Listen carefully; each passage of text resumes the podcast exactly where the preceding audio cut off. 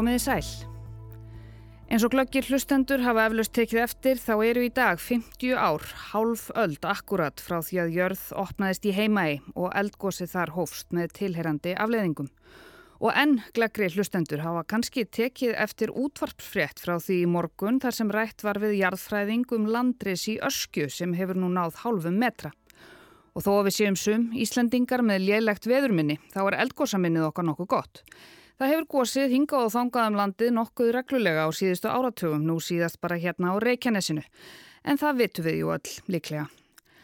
Eldgós eru mögnu fyrirbæri, þau eru ótreiknarleg, þau eru hættuleg og þau eru falleg og þar af leiðandi tilvalið um fjöllunarefni fyrir fjölmiðla. Enda hefur þessi fréttaskýringa þáttur nokkrum sinnum verið tilengaður eldgósum og í dag á þessum degi eldgósa upprifjana 23. janúar 2023 verður hniftað í helsta.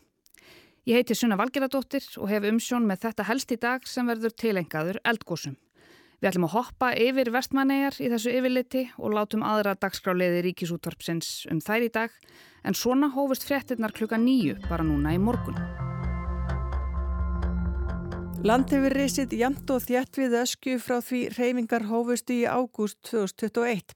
Sigriður Kristjánsdóttir, náttúruvár sérfræðingur á Veðstofu Íslands, segir þó engin merkjum gós óróa.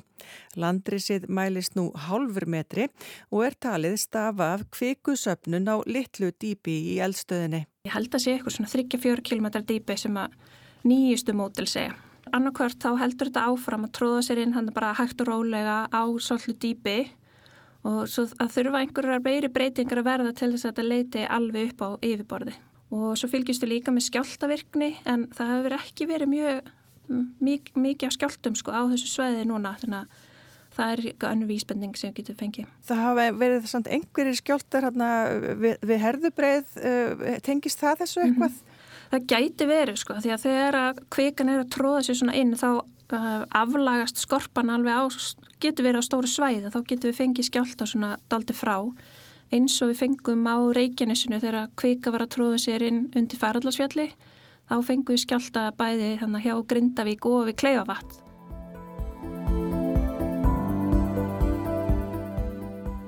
Askja er vöknuð að værum blundi, segja vísindamenn. Hún náði þá ekki alveg 100 árum þyrnirósarinnar en nokkuð nálagti en það eru 60 ár frá síðasta gósi í öskju. En það eru næstum því 150 ár síðan hún var með svakaleg læti. Land hefur risið um 35 cm við öskju á síðasta ári sem er alveg slatti og vísindamenn segja að þessi þróun bendi til þess að kvika sé að sapnast saman undir henni. Veðurstofa Ísland segir ris hraðan vera óvenju mikinn með að við sambærilega eldfjöld í heiminum. Ef það gís er búist við að aðdragandin verði skýr með aukinni skjáltavirkni.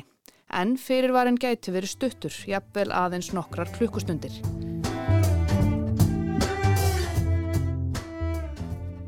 Um 30 km norður af Dingjujökli í Vatnajökli er megin eldstöðin Dingjufjöll sem rýs hæst í rúmlega 1500 metra hæði við sjávarmál eða 600 til 700 metra yfir hraun og sanda umhverfis. Í Dingjufjöllum er eldstöðin Askja sem er eins og nafnið bendir til mikið ringlaga jarðfall eða Askja um 50 ferkilometrar að stærð. Í raun má segja að Askja sé samsett úr þremur misgömlum sigköllum. Botn hennar er þakkinn úpnum hraunum og vikri sem hefur myndast í mörgum gósum innan og utan svæðisins. Svo segir á jarðfræðivefnum. Öskjuvatn, dýfsta stöðuvatt landsins, myndaðist í stóru og afdrifaríku sprengigósi 1875.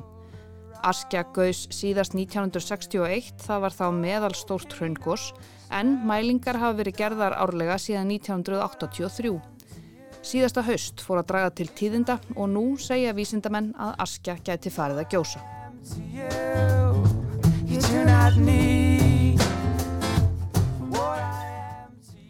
Askja er ein af dramatískari eldstöðunum sem við eigum og eigum við er nú margar dramatískar. Árið 1907 varð sviplegt slis á öskjuvatni er þískir jarðfræðingar sem þar voru við rannsóknir druknuðu þegar að bátkæna sem þeir voru á sökk í djúpið. Minnisvarðið um þá félaga stendur á bökkum vatsins. Askja er friðlýst náttúruvætti enda óhætt að segja að stórbrotin náttúran og öræfa kyrðin láti engan ósnortin sem þar drepur niður fæti. Þetta er vinsæl ferðamannastaður enda náttúrufegurðin svakaleg og landverðir dvelja þar öll sumur.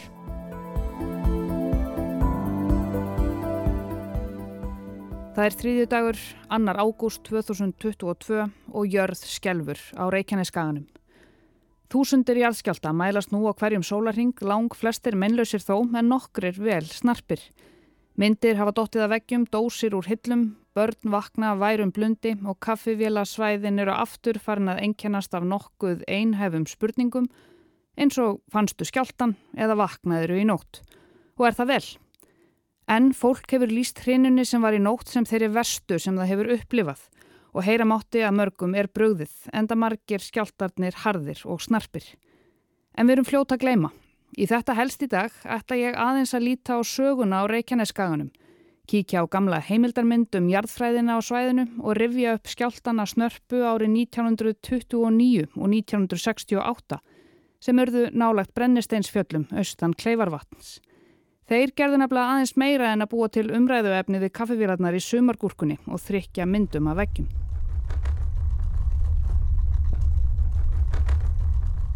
Hverasvæðið í Krísuvík við söðurenda Kleifarvatns er hluti af sprungukerfi sem liggja eftir Reykjaneskaganum. Á síðustu 10.000 árum hafa orðið þar um 200 eldgós.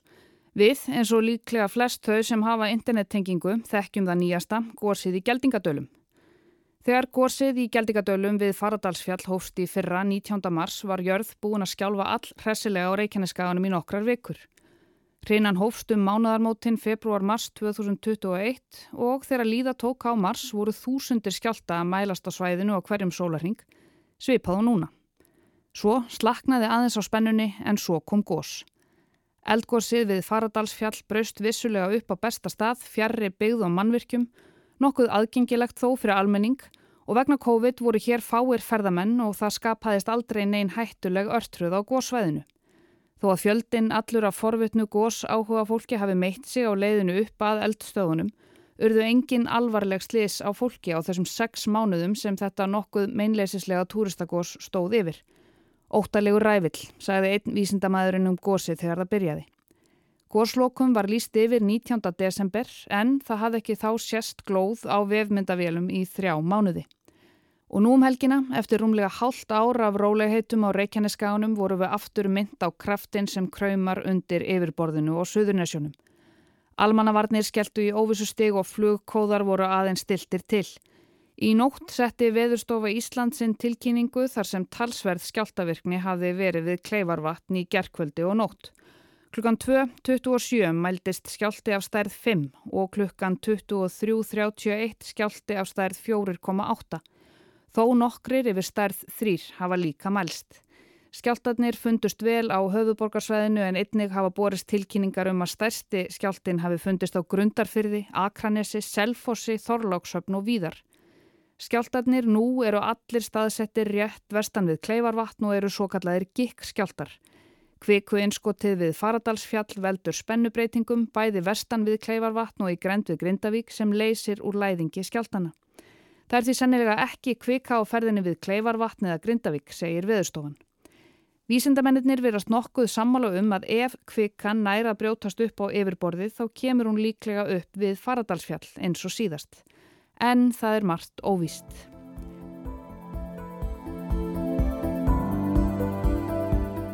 Í dag er mánudagurinn 8. ágúst 2022 og það eru um það byrj 25 eldfjöll að gjósa í heiminum á þessari stundu. Einungis eitt gís hérna á Íslandi en sex eru spúandi til dæmis í Indonésiu. Það meira segja eldgós í gangi á Suðursköldslandinu.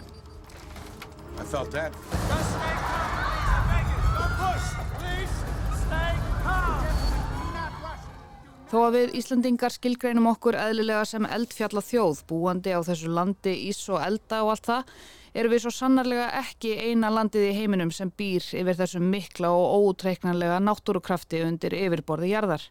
Við höfum vissulega átt nokkur frægós, kannski helst það sem kom hérna 14. apríl 2010. Eldgós hófst í Eyjafjallajökli í nótt. Það er markvallt stærra en gósið við Fimmörðaháls. Sig dælt yfir myndast við hábungu jökulsins og gós bólstra stíga í 12.000 fett. Rökkvaldur, hvað getur sagt okkur nákvæmlega núna? Hver er staðan? Uh, það er eldgós, augljóslega.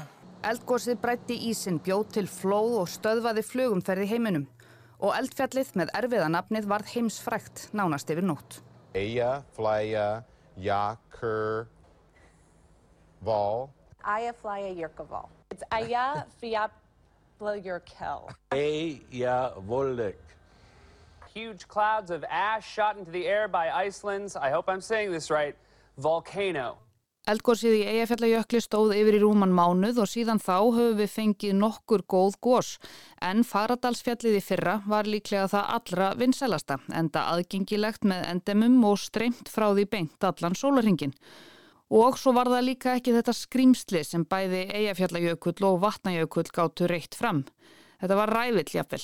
Það sem við erum að horfa á er bara ótalum rævill og, og, og, og þetta uh, er góður í gangi núna í, í hvað, tvo halvan tíma.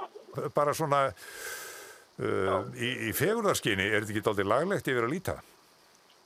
Í, svona höngos er alltaf mjög svona dignaleg en, en þetta er nú uh, ekki stórt. Saði Magnús Tumi Guðmundsson, jarðæðilisfræðingur úr þyrluflugi í síma viðtali við flissandi Brotta Brottason kvöldið sem það byrjaði að gjósa í Faradalsfjalli í fyrra, 19. mars.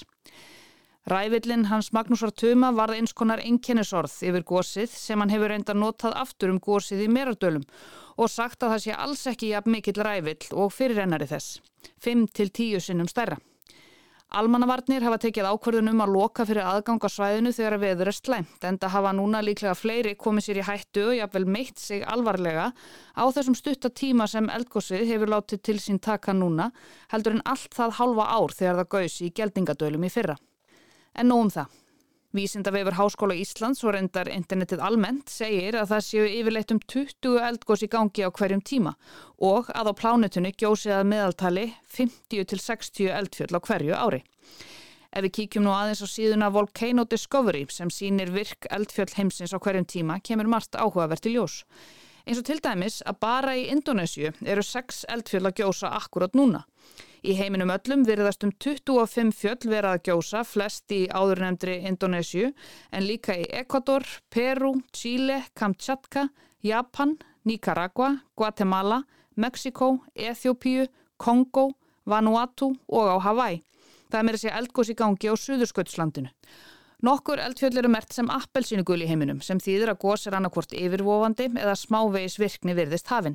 Eldfjallið etna á Sikilei er til dæmis skilgrend sem appelsínugul og svo eru enn fleiri mert gul, askja og grímsvötn á Íslandi þar á meðal sem þýðir að þau eru ekki alveg í kvíld.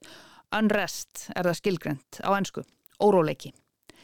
En ef við höldum okkur við þau fjöll sem eru að gjósa akkurat núna þá er farið nokkuð ítarlega mismikið þó yfir stöðuna í hverju og einu eldfjalli fyrir sig á vefsíðunni. Gósinu í Meradölum er til dæmis líst sem eldtjaldi, Curtain of Fire og verist ekki vera á leið í rénun strax. Margir útlendingar hafa förðað sig á viðþorfi Íslendinga til eldfjalla að það sé reyndar einstakt á heimsvísu. Við tölum um þau fallega, við skýrum börnin okkar eftir þeim og dáumst að þeim ógnar eðileggingarkrafti sem fylgir þeim. Þetta benti Sigriður Haglin Björnsdóttir til dæmis á í skáldsögunni sinni, Eldónum, sem fjalla um eldgós á Reykjaneskaganum. Bókin kom út rétt áður en það byrjaði að gjósa þar reyndar. Af jörðu er ég komin, að jörðu skal ég aftur verða, en hugurinn neytar að gefast upp. Hann heldur áfram sínu þráhyggjukenda rausi um heimsendi, varpar upp myndum af húsum sem falla neyri í svartar sprungur, riða andartak á brúninni áður en þau síga hægt á hliðina, leggjast með þungu andvarpi niður í eldin. Húsgögn, málverk, myndaalbum, píjanó, örbylgjófnar, allt hverfur undir svarta tunguna sem stendur úr rauðum skoltinum, rennur yfir landið og eigðir öllu sem á vegi þess verður öllum minningum og snertingum, barnateikningum og vandlega riksuguðum mottum, allt lítur þessu óseðjandi hungri og hverfur í myrkrið. Þarna heyrðu við Sigriði Halín lesa upp úr skáldsögunni Eldónum fyrir Storytel og Sigriður er auðvitað ekki einum að nýta eldin í yðrum jarðar sem efni við í skáldsögu eða listaverk. Og þau sem hafa lesið bókina vita að það eru aðeins meira en óttalegi reblar sem láta til sín taka á reykjaneskaganum í bókinni. Stærsta virka eldfjall í heimi er Mauna Loa á Hawaii. Það rýs góða fjóra kílometra yfir sjávarmál og aðra fimm undir því. Vísindamenn eru nú á fullu að kortleggja hvernig það geti farið ef það gís, en látum það ósagt hér. Bandaríkinn tróna í þriðja sæti á heimsvísu þegar að kemur að fjölda virkra eldfjalla. Indonesia sem er með eins og framkom áðan með sex stykki spúandi núna með flest virk eldfjöll og svo kemur Japan í öðru sæti. Eins og staðinu núna erum við Íslandingar með þrjú eldfjöld sem eru annarkvort að gera sig líklegt til að gjósa eða eru bara í fullu fjöri. Barnagælurnar Hekla og Katla eru auðvitað í starthólunum eins og ítrekkað hefur komið fram í fréttum. En ég ætla að láta þessari eldgósa yfirferð lokið í byli, þetta verður líklega ekki svo síðasta hér í þetta helst. En takk fyrir að leggja við hlustir og við heyrumst aftur á morgun.